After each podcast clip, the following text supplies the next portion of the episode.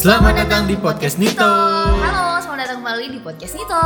Iya, dan kali ini kita akan membahas eh, tetap mengenai bisnis, Mau masih di seputaran bisnis ya? ya tentunya, dan kita akan membahas mengenai proses produksi. Nah, sebelum kita membahas lebih lanjut tentang proses produksinya, Hmm. kali ini kita tidak hanya berdua sebetulnya ya. Nah, betul banget. Sesi ngobrol-ngobrol ini akan ditemani oleh salah seorang narasumber yang dengan baik hatinya mau bergabung dengan podcast Nito. Ya, Dan beliau ini sepertinya sudah ahli, sudah biasa menangani tentang proses produksi. Proses produksi apa sih sebenarnya ini? nah di sini tuh kita akan membahas tentang proses produksi pembuatan kaos. Wah, kira-kira siapa nih narasumbernya ya? Ya, pasti teman-teman ini penasaran ya. Mungkin ada yang pernah bekerja sama juga mungkin sama Bisa beliau jadi. ini ya. Langsung aja ini dia Kang Boy dari tangan kanan. Halo Kang Boy. Halo tim Penito. Oke Kang Boy, sebelum kita ngobrol-ngobrol lebih lanjut soal proses produksi, saya tuh udah lama stalking Instagramnya tangan kanan. Tapi sekarang saya penasaran juga sebenarnya tangan kanan sendiri sudah berapa lama sih berdiri sebagai sebuah konveksi? Kalau tangan kanannya tangan kanannya sendiri sih sudah hampir sekitar 4 sampai 5 tahun. Tapi saya sebelum konveksi itu punya brand clothing juga ibaratnya. Jadi kalau ditanya udah ngurus produksi dari kapan ya udah hampir 10 tahun ibaratnya gitu. Nah, dari tahun ke tahun minat bisnis itu kan semakin meningkat nih. Terus untuk segmentasinya itu seperti apa sih? Nah, kalau peningkatannya itu sangat meningkat banget tuh sekitar 2 sampai 3 tahun inilah. Karena kan itu yang mulai digadang-gadangnya ini loh apa local pride, menumbuhkan minat bisnis dari anak muda juga. Sekarang nih kan hal tabu lah memulai bisnis dari umur SMA dan kuliah tuh. Oh berarti sebenarnya kalau ngomongin soal segmentasi bisnis sekarang udah mulai diminati sama anak-anak sekolahan atau remaja-remaja berarti Hmm. ya. Betul, betul banget. Kaum milenial Kaum mungkin ya. milenial bisa dibilang kayak gitu. Tapi sebenarnya Kang, bisnis kaos itu susah nggak sih? Justru bisnis kaos tuh salah satu yang paling mudah kalau menurut saya. Soalnya kan kalau dibandingin sama food and beverage misalnya, kalau kaos kan nggak akan kadaluarsa. Itu salah satu yang apa ya nilai nilai lebihnya lah. Nah kalau ngomongin soal kaos nih Kang Boy, sebetulnya kalau dalam sebuah produksi kaos nih Kang Boy ya, eh, tahapannya tuh banyak nggak sih? Terus ribet atau justru karena kaos dipakainya sehari-hari nih ya, barang yang apa ya barang yang sering dipakai sehari-hari atau justru juga tahapannya ya gampang-gampang aja. Kalau secara garis besarnya sih sebenarnya simple teh. Jadi ke yang pertama tuh ada lima tahapan. Yang pertama pembuatan pola, yang kedua itu proses potong bahan, yang ketiga proses sablon atau bordirnya, yang keempat tuh proses jahit, sama yang terakhir tuh proses QC dan eh, pengepakan atau finishing biasanya istilahnya. Untuk para customer ini biasanya mereka lebih sering untuk membuat kaos dengan bahan apa sih Kang? Apakah misalkan ada rekomendasi dari akangnya atau eh, dari customernya sendiri udah sudah sudah memilih gitu ingin menggunakan kaos A atau B kayak gitu? Kalau dari dulu sampai sekarang sih sebenarnya yang paling banyak digunakan tuh katun combat. Kan ada variasinya juga tuh, ada 30S, 24S sama 20S. Biasanya sih rata ibaratnya menyesuaikan sama si customer kami juga target market mereka lebih senangnya yang spesifikasi 24S atau 30S. Jadi kalau ditanya yang paling banyak digunakan ya tetap katun combat 30 eh, katun combat. Cuma sekarang banyak juga yang mulai pakai katun bambu sama eh, apa namanya katun modal. Kan sekarang tuh yang paling banyak tuh orang-orang menggunakan bahan cotton combat. Tuh. Mungkin bisa jadi kalau buat teman-teman nih yang pengen bahannya eh menggunakan bahan lebih bagus, Mhm. bisa jadi teman-teman pakai bahan-bahan premium. Betul, sebenarnya bahan premium tuh kan macamnya banyak ya. Hmm. Ada yang seperti katun bambu, Hmm. katun modal, atau misalkan oh, pengen pakai yang lebih premium supaya si kualitasnya lebih bagus, Hmm. bisa pakai US Pima 5 cotton. cotton. Nah, itu salah satu rekomendasi dari kami untuk teman-teman semuanya yang ingin membuat clothing brand dengan kualitas yang lebih dari hanya sekedar combat aja. Betul banget. Tapi sebetulnya kan eh, saya eh, beberapa waktu lalu sempat bahas nih sama Kang Boy kalau eh, banyak juga teman-teman di luar sana yang masih belum paham soal ketebalan kain ya. Nah, betul juga tuh itu. Karena kan untuk membuat kaos ya bahannya tadi sudah disebutkan. Cuman kalau untuk ketebalannya sendiri emang biasanya dipakai yang mana sih? Standarnya itu sebetulnya untuk membuat kaos biasanya mereka menggunakan ketebalan uh, 30, 30 S gitu kan. Tapi sebetulnya selain 30S itu masih banyak jenis-jenis uh, bahan kaos yang lain ya ketebalan yang maksudnya seperti 20S, 24, 28, 30, 32, Ada 36, 40, 40S. bahkan uh, dan seterusnya gitu. Itu pun si ketebalan ini mempunyai karakter yang berbeda sebetulnya. Nah, untuk perbedaannya itu atau kalau teman-teman ingin secara lengkapnya bisa dibaca lah ya di blog kita promosi. di www.nito.co.id. Betul sekali. Nah, Kang, kalau sekarang nih ya ngomongin soal model kaos lah ya. Kan tadi kita udah bahas soal bahan yang sering udah dipakai. Hmm. Kalau untuk bikin kaos, biasanya model yang paling sering dipakai sama customer-customer tangan kanan mungkin atau eh, teman-teman di luar sana yang sering bikin kaos tuh model apa sih Kang yang lagi happening? Kalau modelnya sih, kalau sekarang yang lagi ibaratnya lagi lagi banyak peminatnya tuh oversize. Tapi yang standar juga masih sebenarnya masih lebih banyak yang pola standar. Cuman makin ke sini makin banyak yang senangnya sama oversize. Mungkin kan karena pergeseran apa ya budaya juga lah kan si streetwear lagi innya banget. Terus Kang nih kalau pada saat produksi biasanya ada kendala-kendala nggak sih? Misalkan kendalanya apa gitu. Terus eh, yang sering ketemu gitu ya ya kesulitannya. kesulitannya seperti apa? Kendalanya sebenarnya sih kan kalau produksi itu ada tiga faktor yang menentukan nih. Hmm. satu dari bahan bakunya karena kan terkait dengan mendukung dannya untuk disablon lalu yang kedua itu dari desainnya apakah desainnya udah berupa vektor atau bitmap. Yang ketiga itu dari manpower atau keterampilan dari si apa ya dari si tukang jahit dan tukang sablonnya ibaratnya gitu Oh berarti untuk pemilihan konveksi juga itu harus teliti banget ya Kang ya? Betul, harus di ibaratnya harus riset dulu. Karena kan sebenarnya konveksi pun sekarang ada banyak, cuman yang membedakan tuh kan peruntukannya. Misalkan eh, ada konveksi itu yang biasa ngerjain untuk brand clothing, tapi ada juga yang misalkan kayak konveksinya tuh khusus buat kaos event, kan suka ada yang kayak gitu tuh. Nah, jangan sampai ibaratnya teman-teman yang mau memulai bisnis clothing tuh salah memilih konveksi karena peruntukannya. Kita sih nggak nyebut ada konveksi yang bagus sama jelek ibaratnya. Cuma kan semua kan tergantung peruntukannya. Kalau misalkan memang produksinya untuk dijual lagi atau buat brand clothing, ya kita harus menyesuaikan juga dengan konveksi yang biasa mengerjakan brand clothing biar hasilnya juga maksimal. Sebenarnya ada treatment khusus yang perlu dilakukan pada saat proses produksi atau misalkan pembuatan pola atau pada saat potongnya gitu kan? Sebenarnya sih biasanya setiap konveksi itu kan punya standar fit guide-nya masing-masing tuh menyesuaikan dengan mayoritas customer dari si konveksinya. Kayak misalkan kami, kami juga kan customernya tuh rata-rata brand clothing. Jadi ibaratnya eh, B2B lah, business to business. Kami ini membuat standar pola dan ukuran kami itu mengadaptasi dari brand-brand clothing yang udah besar. Kalau kami biasanya untuk pola tuh eh, pola ukurannya biasanya kami mengadaptasi dari Uniqlo sama H&M karena menurut kami itu udah paling nyaman lah. Dari Kang Boy sendiri sebenarnya ada tips nggak sih Kang eh, untuk menentukan size baju yang ideal itu seperti apa?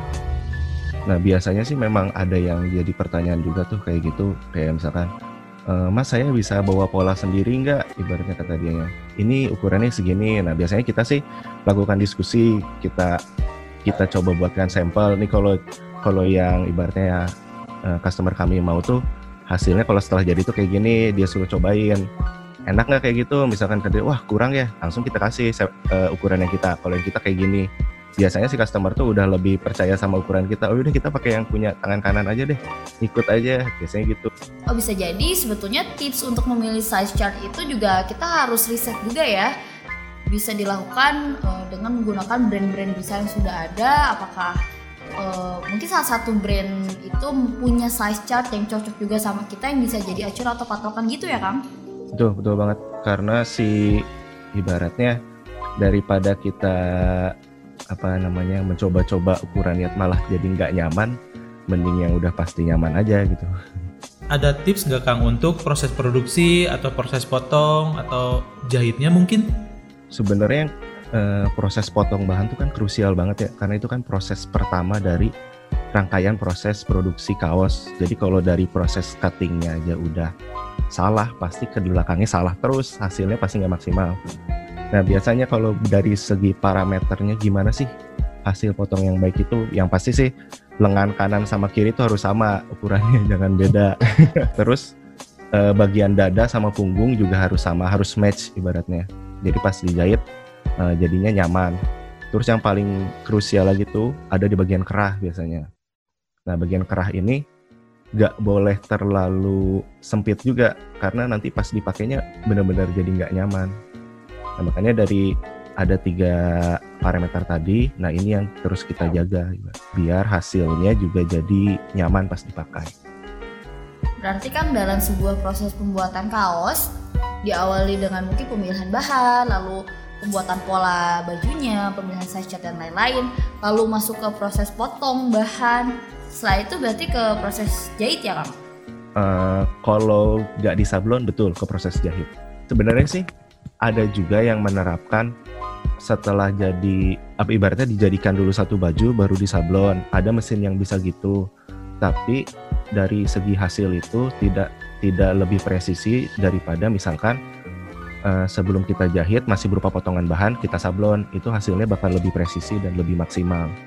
Nah, kan kita kan meminimalisir kemungkinan cacat produksi jadinya sebelum kita jahit kita sablon dulu kita sablon atau bordir setelah selesai baru kita jahit Nah, dari proses penjahitan kaos sih Kang sebenarnya ada tahapannya gitu atau sebenarnya ya udah langsung dari apa ya pola habis dipotong polanya atau langsung dijahit gitu aja atau justru ada tahapannya juga Kang?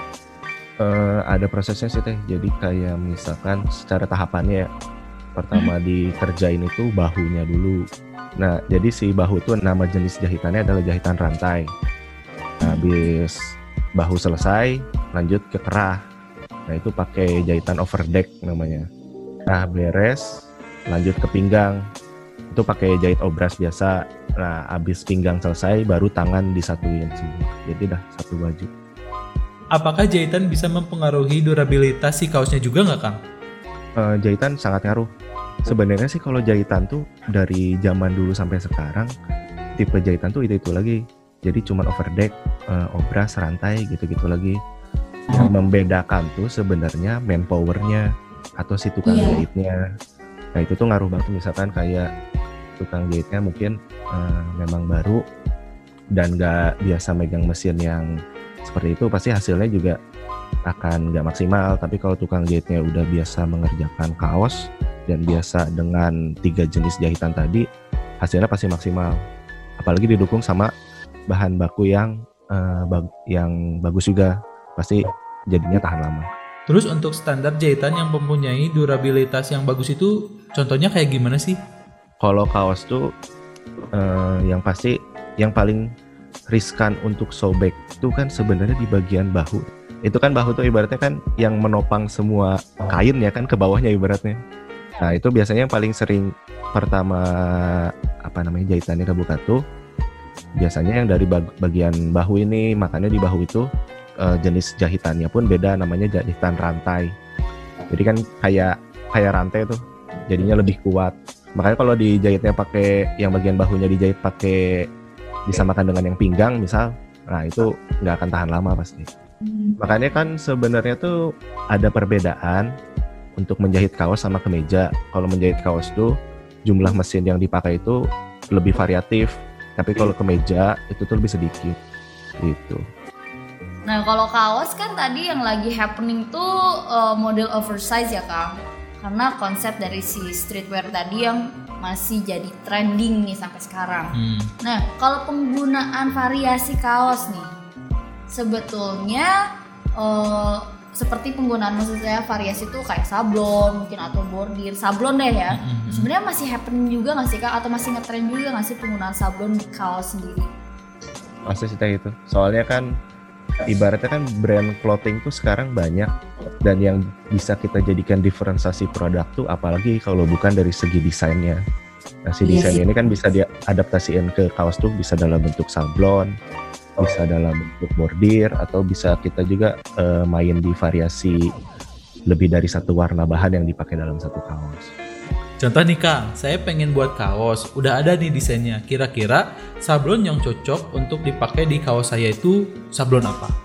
Sebenarnya kalau pertanyaannya sablon apa yang cocok, biasanya kita mulainya dari kita lihat dulu desainnya.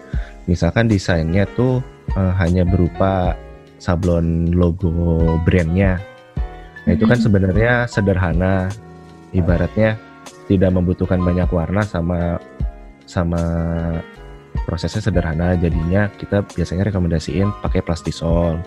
Tapi kalau misalkan eh, sablon desainnya tuh mengadaptasi dari fotografi misalkan suka ada tuh yang sablonnya kayak foto Iya, nah iya, itu iya. kita mm, kita pakai namanya raster plastisol raster jadi kalau Oh. ditanya sablon apa yang cocok kita balikin dulu ke desainnya karena setiap desain punya treatmentnya masing-masing nggak bisa disamakan biar hasilnya maksimal Emang kalau plastisol biasa nih sama plastisol raster tuh perbedaannya apa ya Kang? Kalau yang raster tuh biasanya kayak tadi eh, untuk desain yang berupa kayak adaptasi dari fotografi gitulah. Ibaratnya yang desainnya agak rumit dan banyak dot kecil-kecil, titik-titik kecil gitu. Biasanya kita pakainya pakein raster aja biar eh, hasilnya lebih keluar. Oh jadi intinya penggunaan plastisol raster ini untuk mengejar detailing gambar yang eh, lebih kecil-kecil gitu kali Kang ya? Betul betul. Secara itunya kayak gitu. Butuh detail kita pakai yang raster. Mungkin biar gambarnya lebih jelas juga ya. Nah itu dia makanya penggunaan plastisol raster itu bisa dibilang untuk si ngejar detailnya itu kali ya gitu. Mm-mm. Nah jenis sablon ini banyak ya Kang? Banyak banget ya. Iya betul. Dan tadi bahan yang sering dipakai untuk kaos itu bahannya combat. Mm-mm. Tapi apa semua jenis sablon ini bisa dipakai ke bahan combat itu Kang? Nah. Secara kan bahan combat tadi yang lebih banyak dipakai untuk kaos ya. Mm-mm. Rata-rata sih bisa, tapi kalau buat brand clothing tuh biasanya kita rekomendasiinnya kedua jenis sablon. Yang pertama kalau nggak plastisol, discharge. Karena itu yang secara mutu tuh ibaratnya dikatakan kualitasnya bagus lah untuk untuk dijual lagi. ibaratnya. Sebenarnya kan jenis sablon tuh banyak kali ya Kang ya.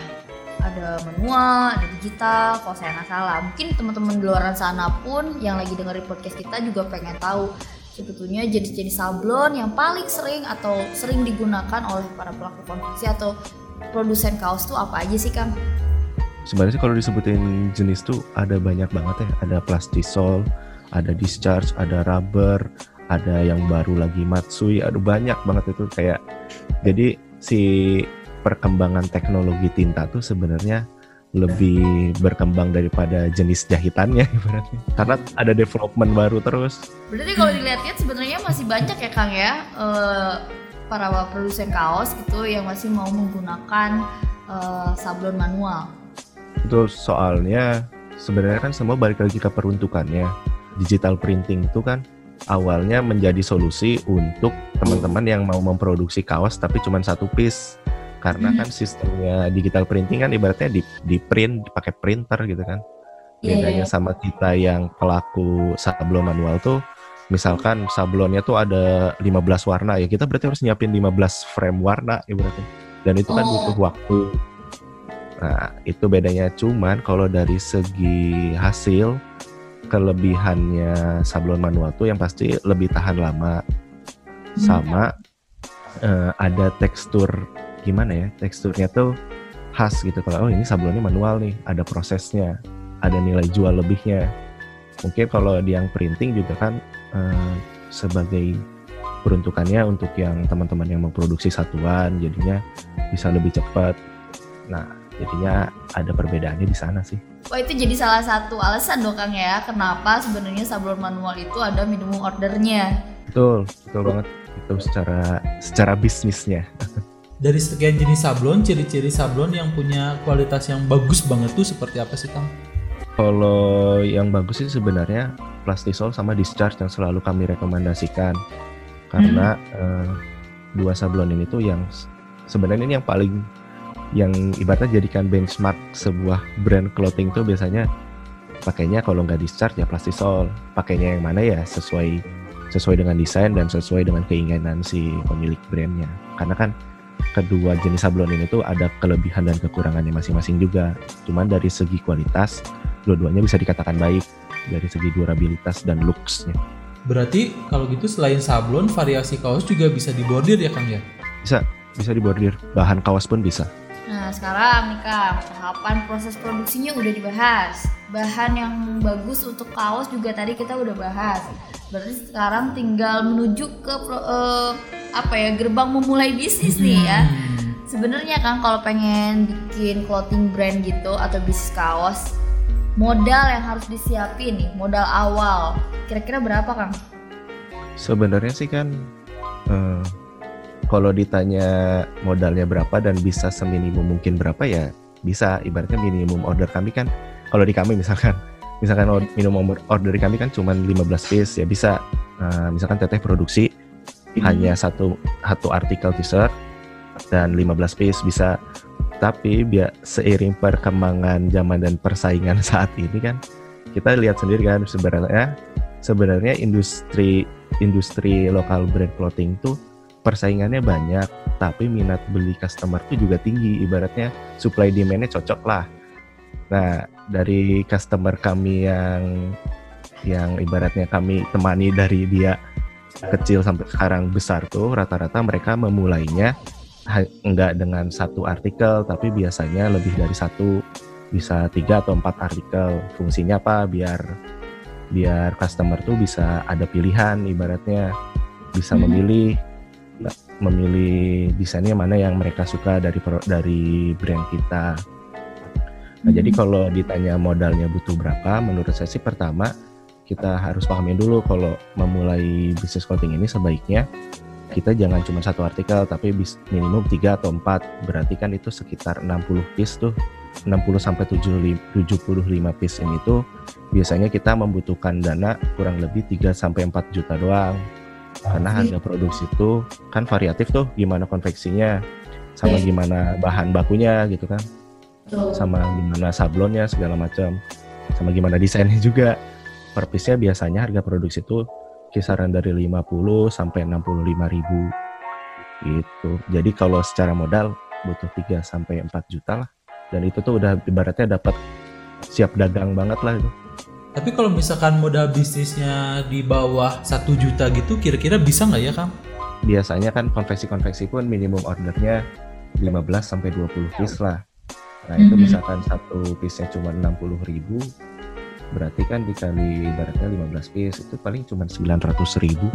Jadi sebetulnya kalau gitu buat temen-temen yang mungkin masih usianya belasan tahun masih sekolah Hmm. gitu ya, udah bisa lah ya bisnis juga karena ternyata di bawah satu juta pun udah bisa bisnis kaos. Mm, Mungkin dengan cara menyisihkan sebagian uang jajan kalian, kalian bisa menabung Betul. untuk mencoba untuk memulai bisnis kaos ini. Banyak juga tuh customer kami yang anak SMA tuh mulai banyak sekarang.